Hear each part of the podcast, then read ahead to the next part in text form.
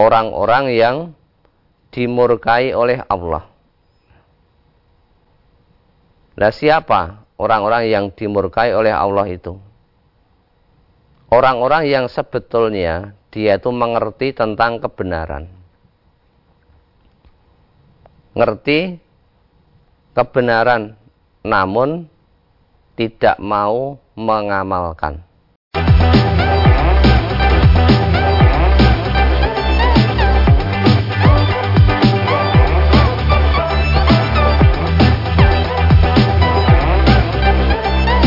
Karena kehidupan akhirat kita menjadi baik.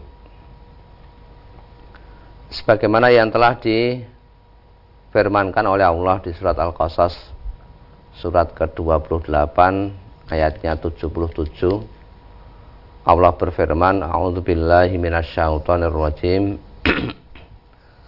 Wabtaghi fi ma ataqallahu daral akhirah wala tansa nasibaka minat dunia.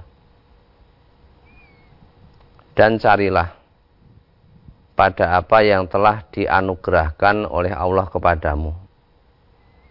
Kita sudah diberikan nikmat anugerah yang banyak. Berupa kesehatan, waktu luang, kemudian berupa harta dan materi semuanya itu dipakai untuk mencari kebahagiaan akhirat. Kemudian tentang masalah dunia, ya. itu jangan dilupakan. Tetapi yang utama adalah bagaimana kita memperbanyak bekal untuk menghadap kepada Allah Subhanahu wa taala. Selanjutnya para pemirsa MTA TV dan juga para pendengar radio Persada FM dan juga radio yang dalam jaringan kita akan melanjutkan materi yang beberapa waktu yang lalu sudah kita sampaikan tentang sirotol mustaqim ya. Siapa itu sudah kita jelaskan di pertemuan yang dahulu siapakah orang-orang yang siratal lazina an'amta alaihim setelah kita berdoa kepada Allah minta ditunjukkan kepada jalan yang lurus Lah contohnya siapa? Orang-orang yang menempuh jalan yang lurus itu. Dijelaskan di surat An-Nisa ayat 69 Wa may yuti'illaha wa rasulahu faulaika ma'al ladzina an'amallahu 'alaihim. Barang siapa yang mentaati Allah dan juga mentaati Rasulnya faulaika ma'al ladzina an'amallahu alaihim. Maka mereka itu akan bersama. Bersama-sama dengan orang-orang yang telah diberikan nikmat oleh Allah. An'amta alaihim. Nah siapa an'amallahu alaihim? Orang-orang yang telah diberikan nikmat itu siapa minan nabiyyin ya, dari para nabi. Jelas nabi itu utusan Allah. Ini sebagai uswah hasanah. Contoh yang terbaik bagaimana sepak terjangnya para utusan nabi, para rasul. Kemudian wasidikin, ya, orang-orang yang benar orang-orang yang benar imannya. Membuktikan keimanannya dengan mengerjakan amal-amal yang soleh. Wasyuhada orang-orang yang mati syahid berjuang di jalan Allah sampai menemui ajalnya. Wassolihin dan juga orang-orang yang soleh orang-orang yang selalu mengerjakan kebaikan-kebaikan Itulah yang disebutkan di surat An-Nisa ayat 69 tadi. Siapa orang-orang yang telah diberikan nikmat, itulah yang kita patut kita teladani, patut dicontoh. Wahasuna ulaika rofiko dan mereka itulah teman yang sebaik-baiknya. Kemudian sebaliknya juga ada golongan yang menyimpang golongan yang menyimpang dari sirotol mustaqim. Siapa itu? Sirotol ladina an'amta alaihim ghairil maghzubi alaihim waladdallin. Ya. Golongan yang menyimpang itu adalah golongan yang pertama al-maghzub. Orang-orang yang dimurkai oleh Allah. Nah siapa orang-orang yang dimurkai oleh Allah itu? Orang-orang yang sebetulnya dia itu mengerti tentang kebenaran. Ngerti kebenaran namun tidak mau mengamalkan. Nah, orang-orang yang memiliki sifat yang seperti ini adalah orang-orang Yahudi dan juga pengikut-pengikutnya. Allah menjelaskan keadaan orang-orang Yahudi ini melalui firman-Nya faba'u bi ala ghazab. Mereka orang-orang Yahudi tadi dan juga pengikut-pengikutnya ini mendapatkan murka sesudah mendapatkan kemurkaan. Ini sangat dibenci, sangat dimurkai oleh Allah. Kebencian yang sangat oleh Allah kepada orang-orang yang sebetulnya ngerti kebenaran tetapi tidak mau mengamalkan. Kemudian juga didukung di surat Al-Maidah ayat 60. Kul hal unabbiukum bisyarrim min zalik masubatan intallah malla'anahullah wa ghadiba alaihi. Katakanlah, apakah akan aku beritakan kepadamu tentang orang-orang yang lebih buruk pembalasannya dari orang-orang fasik di sisi Allah. Ini orang-orang yang al-maghzub tadi, orang-orang yang dimurkai. Yaitu orang-orang yang dikutuki dan dimurkai oleh Allah. Allah mengutuk dan Allah marah murka kepada orang-orang tadi. Kemudian juga ada di surat Al-A'raf ayat 152 Innalladzina takhadzul ijla sayanaluhum ghadzabum mir rabbihim Sesungguhnya orang-orang yang menjadikan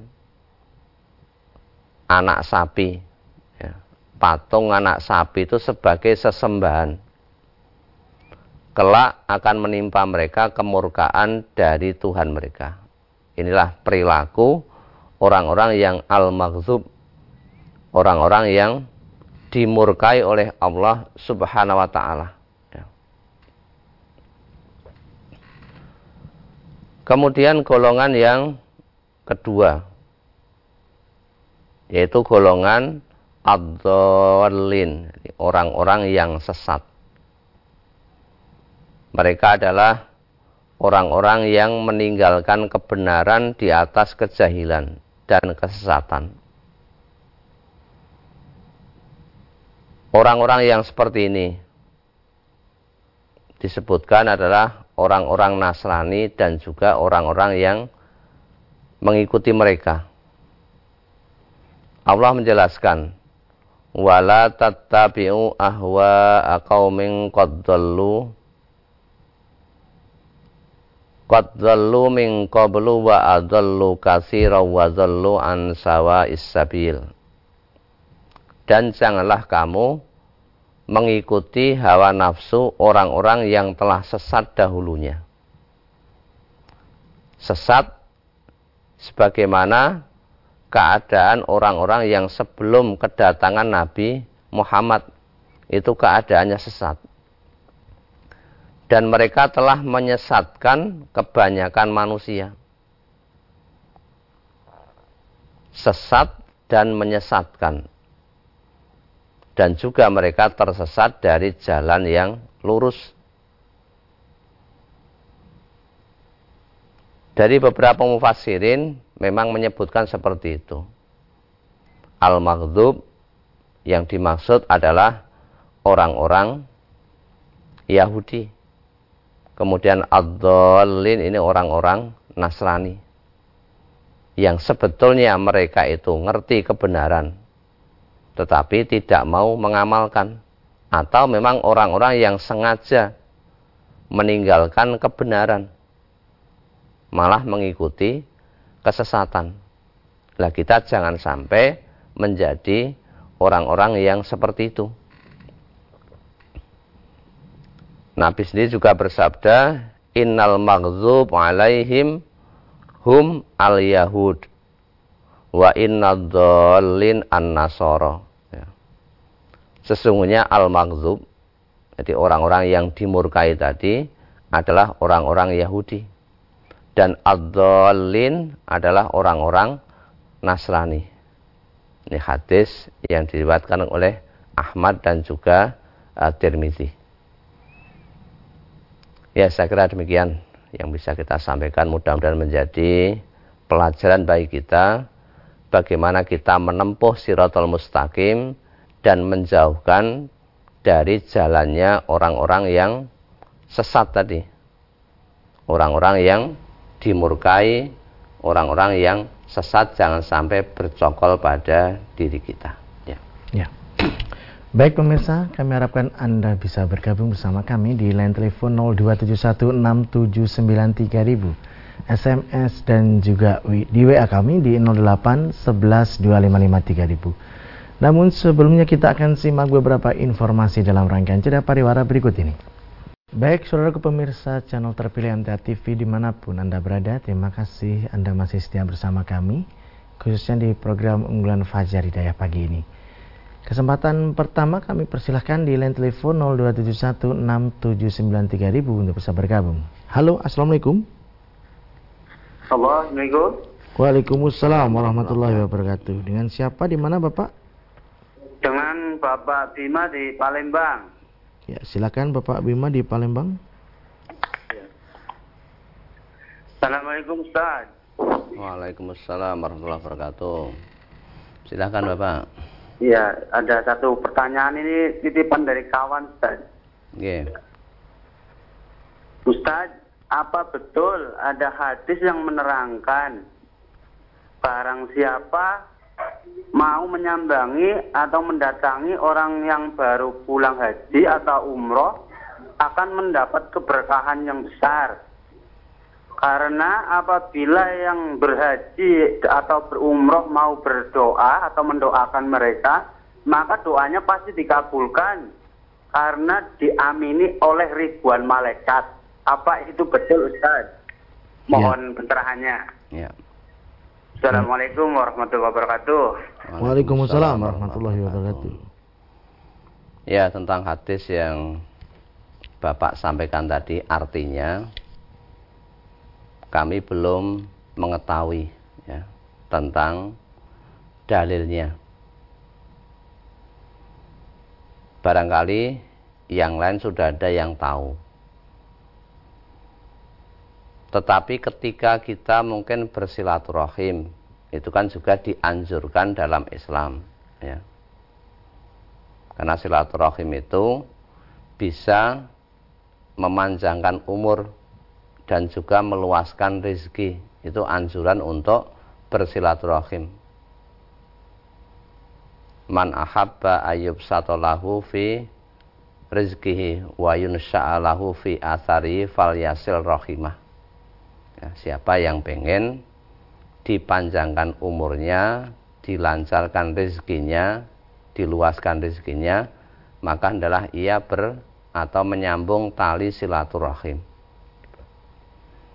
Ketika ada orang pulang haji kita silaturahim, boleh enggak? Boleh saja. Tetapi tentang kebaikan-kebaikan tadi, ya, bahwa doanya orang yang pulang haji itu dikabulkan dan tadi ada dinaungi malaikat ribuan tadi kami belum tahu e, dalilnya. Ya, demikian. Baik. Kita bacakan yang ada di SMS dan WA. Yang pertama dari Ibu Rika di Purwakarta. Ustadz, apakah sedekah subuh yang disertai berdoa supaya berkah dari sedekah ini saya dapat disembuhkan dari penyakit yang saya derita? Apakah de, apakah seperti ini sesuai dengan tuntunan atau tidak, Ustaz? Memang sedekah itu dianjurkan. dianjurkan dalam agama. Di dalam Quran banyak ayat-ayat yang memerintahkan untuk bersedekah. Seperti surat Al-Baqarah ayat 261 ya. Bahwa orang yang bersedekah itu masalul ladzina yunfikuna amwalahum fi sabilillah kama habbah gambaran orang-orang yang mengeluarkan hartanya, menginfakkan hartanya, mensedekahkan hartanya pada jalan Allah. Itu seperti orang yang serupa dengan sebutir benih. Ya, orang memiliki satu biji benih. Yang satu biji itu bisa ambatat sab'a sanabil. Kemudian satu biji tadi bisa menumbuhkan atau bercabang tujuh bulir. Fi kulli sumbulah mi'atu habbah. Pada tiap-tiap batang itu akan mengeluarkan seratus biji. Ini gambaran orang-orang yang melakukan sedekah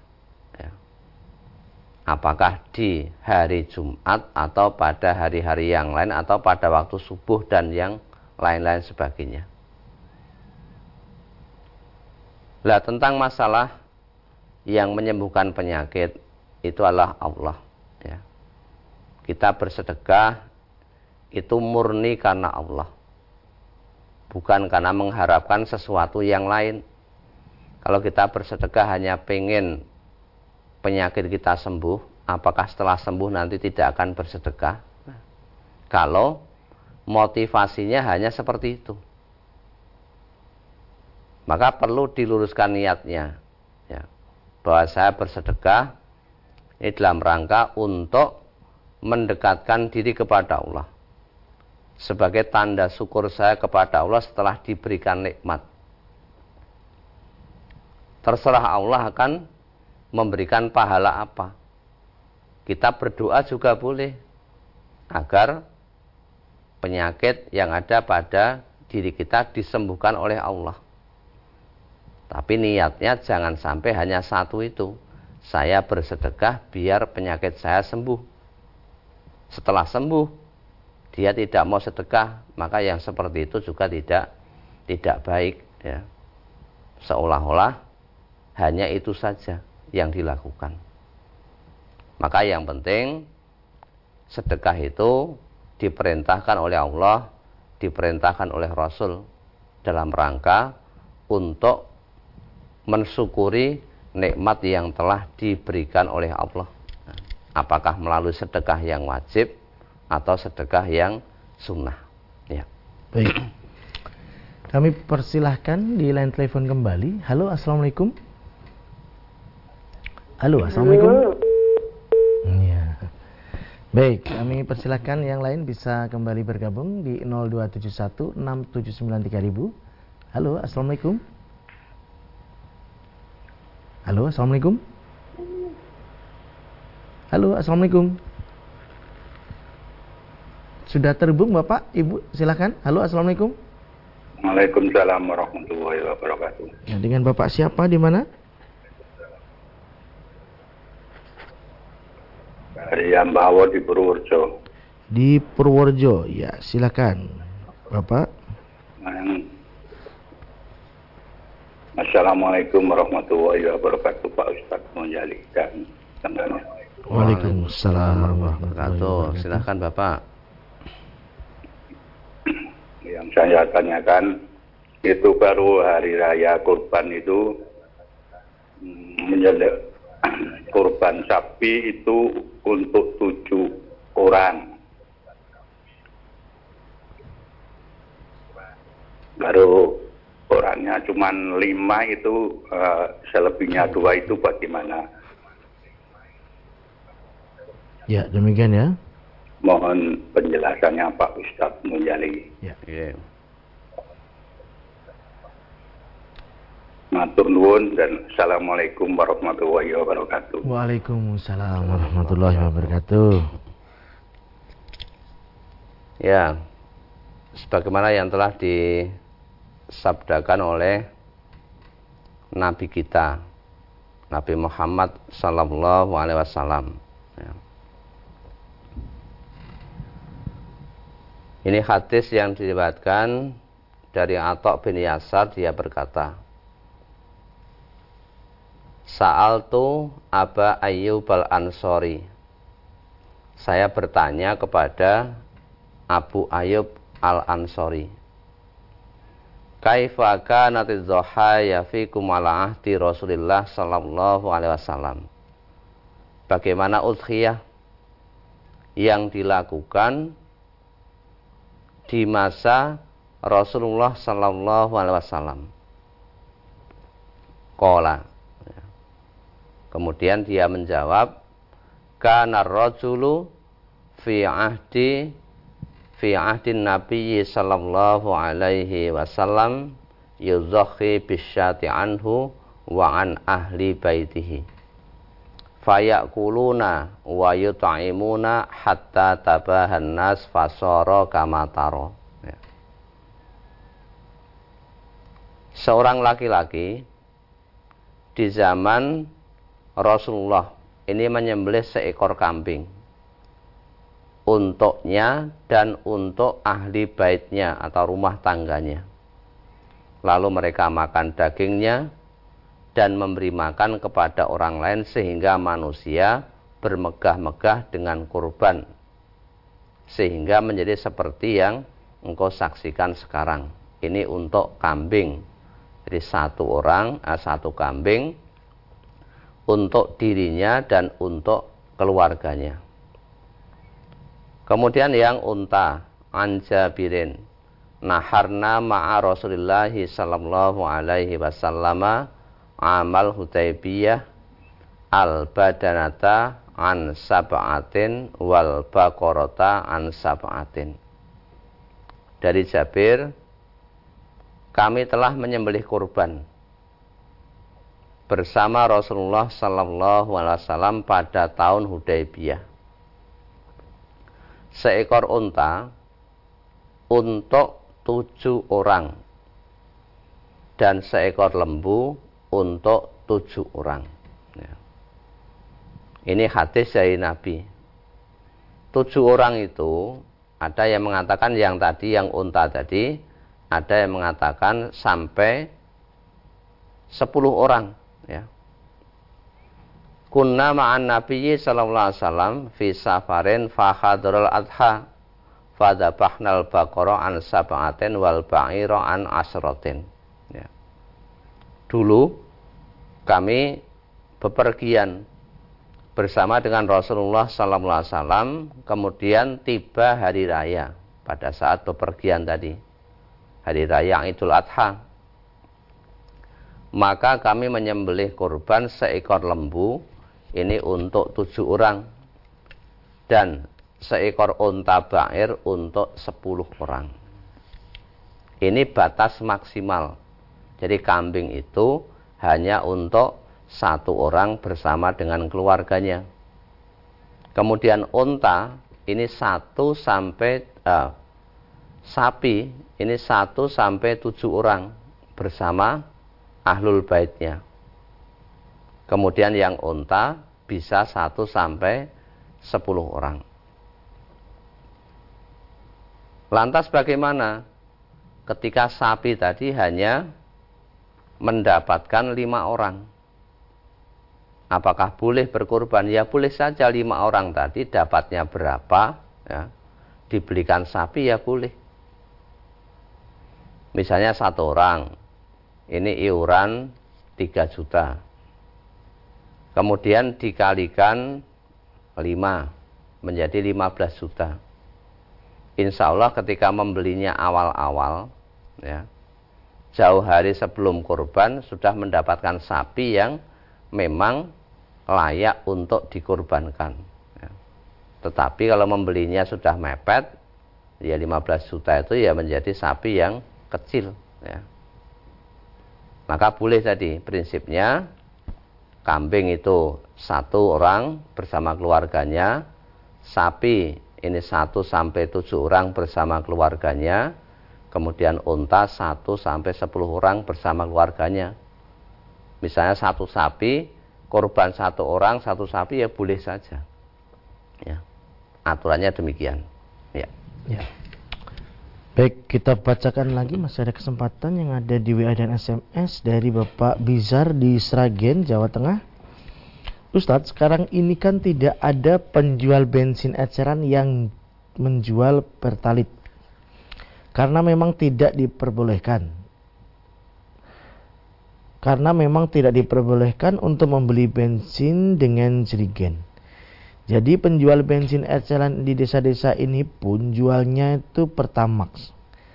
Kalau saya beli pertalit pakai sepeda yang tangkinya besar, lalu saya kumpulkan di rumah, kemudian kalau sudah terkumpul beberapa jerigen, akan saya jual lagi ke orang lain dengan harga yang lebih tinggi dengan harga yang lebih tinggi yang demikian apa diperbolehkan Ustaz?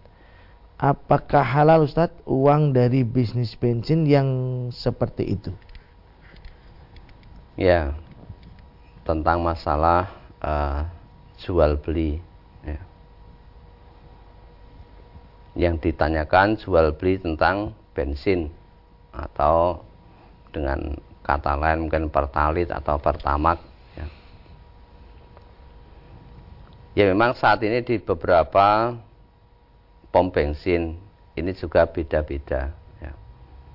Ada yang satu boleh tidak memakai barcode, yang satunya tidak membolehkan. Ya. Yang satu boleh, yang satu tidak. Yang satunya boleh membeli dengan drigen, yang satunya tidak boleh. Ya ini baru sampling ya. aturan yang eh, datanya diacak ya. kalau memang aturannya tidak diperbolehkan membeli dengan trigen ya. kemudian membeli dengan tadi sepeda motor yang mungkin tangkinya besar. Setelah itu di apa namanya? diambil, kemudian beli lagi. Kalau hukumnya jual beli ya. Ini wa ahallallahu bai'a wa harramar riba. Allah menghalalkan jual beli. Kemudian mengharamkan riba. Ya memang resikonya kalau seperti itu ketahuan ya. Misalnya bahan bakarnya tadi disita, yaitu resiko ya. Kalau hukum jual belinya ya namanya sah. Misalnya kulaannya 10.000 kemudian dijual dengan harga 12.000 ya, atau 13.000 itu jual belinya sah karena barangnya juga barang yang halal karena aturannya sekarang juga belum begitu jelas ya masih sebagai sampling di beberapa uh, pom bensin. Ya. Kalau tentang masalah halal, ya hukumnya halal. Tinggal yang memberikan aturan siapa, kecuali memang zatnya itu barang yang haram. Misalnya minuman keras dan sebagainya. Walaupun misalnya di suatu pemerintahan ini melegalkan, ya tetap hukumnya tetap menjadi haram. Ya, jual beli minuman keras walaupun ada di beberapa daerah misalnya ini hanya sebagai misal saja pemerintah daerah melegalkan boleh ya jual beli minuman keras tapi toh juga tetap menjadi haram karena barang yang dibeli itu barang yang dijual juga barang-barang yang haram ini tidak diperbolehkan. Tadi kan juga membeli kemudian dijual. Cuma caranya mungkin yang seperti itu.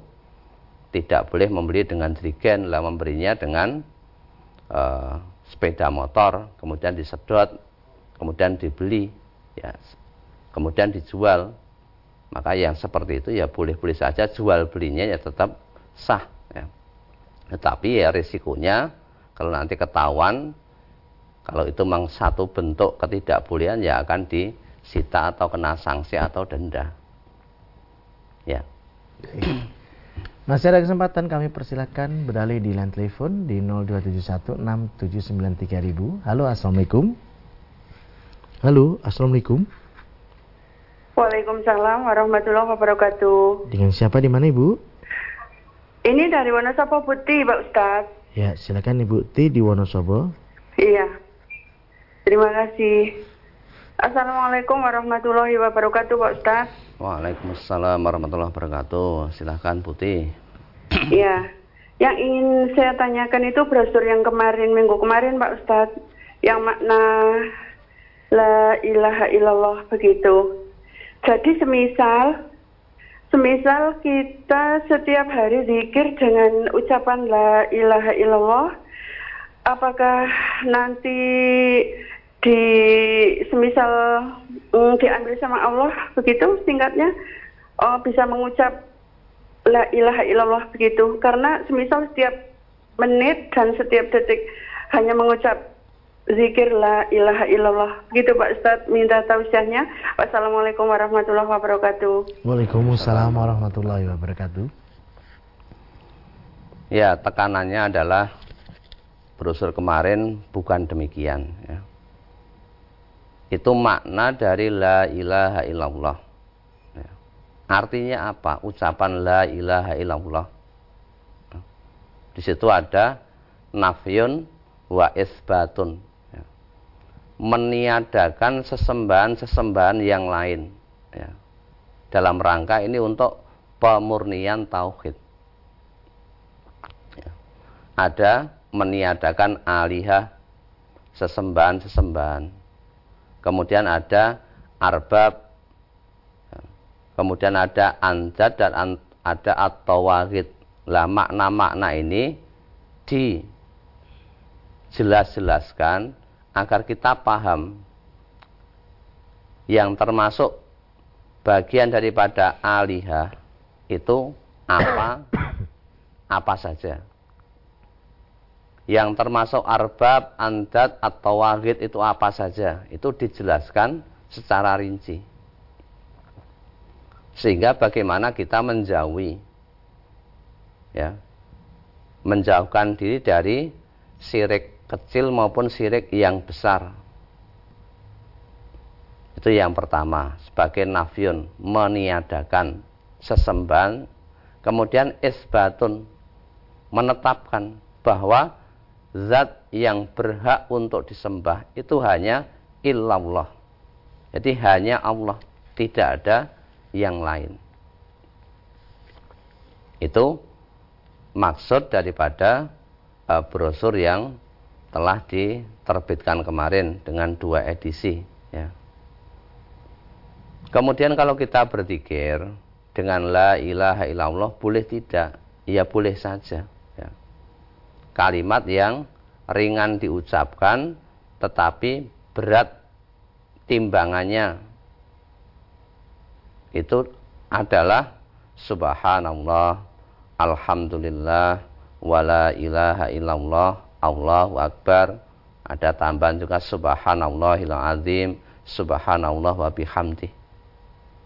Itu ucapan yang ringan tetapi berat timbangannya. Timbangannya di akhirat besok. Nah, ketika ibu tadi berzikir dengan membaca la ilaha illallah, la ilaha illallah ya boleh saja. Toh itu juga dituntunkan atau membaca subhanallah, alhamdulillah, wala ilaha illallah, Allahu akbar dibulak-balik juga boleh mulai Allahu akbar, subhanallah, alhamdulillah dan sebagainya juga diperbolehkan. Ya.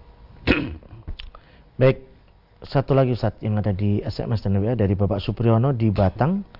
Mohon tausiahnya Ustaz, kalau tidak salah bahwa kita itu akan mendapatkan pahala dari Allah dari apa yang kita perbuat.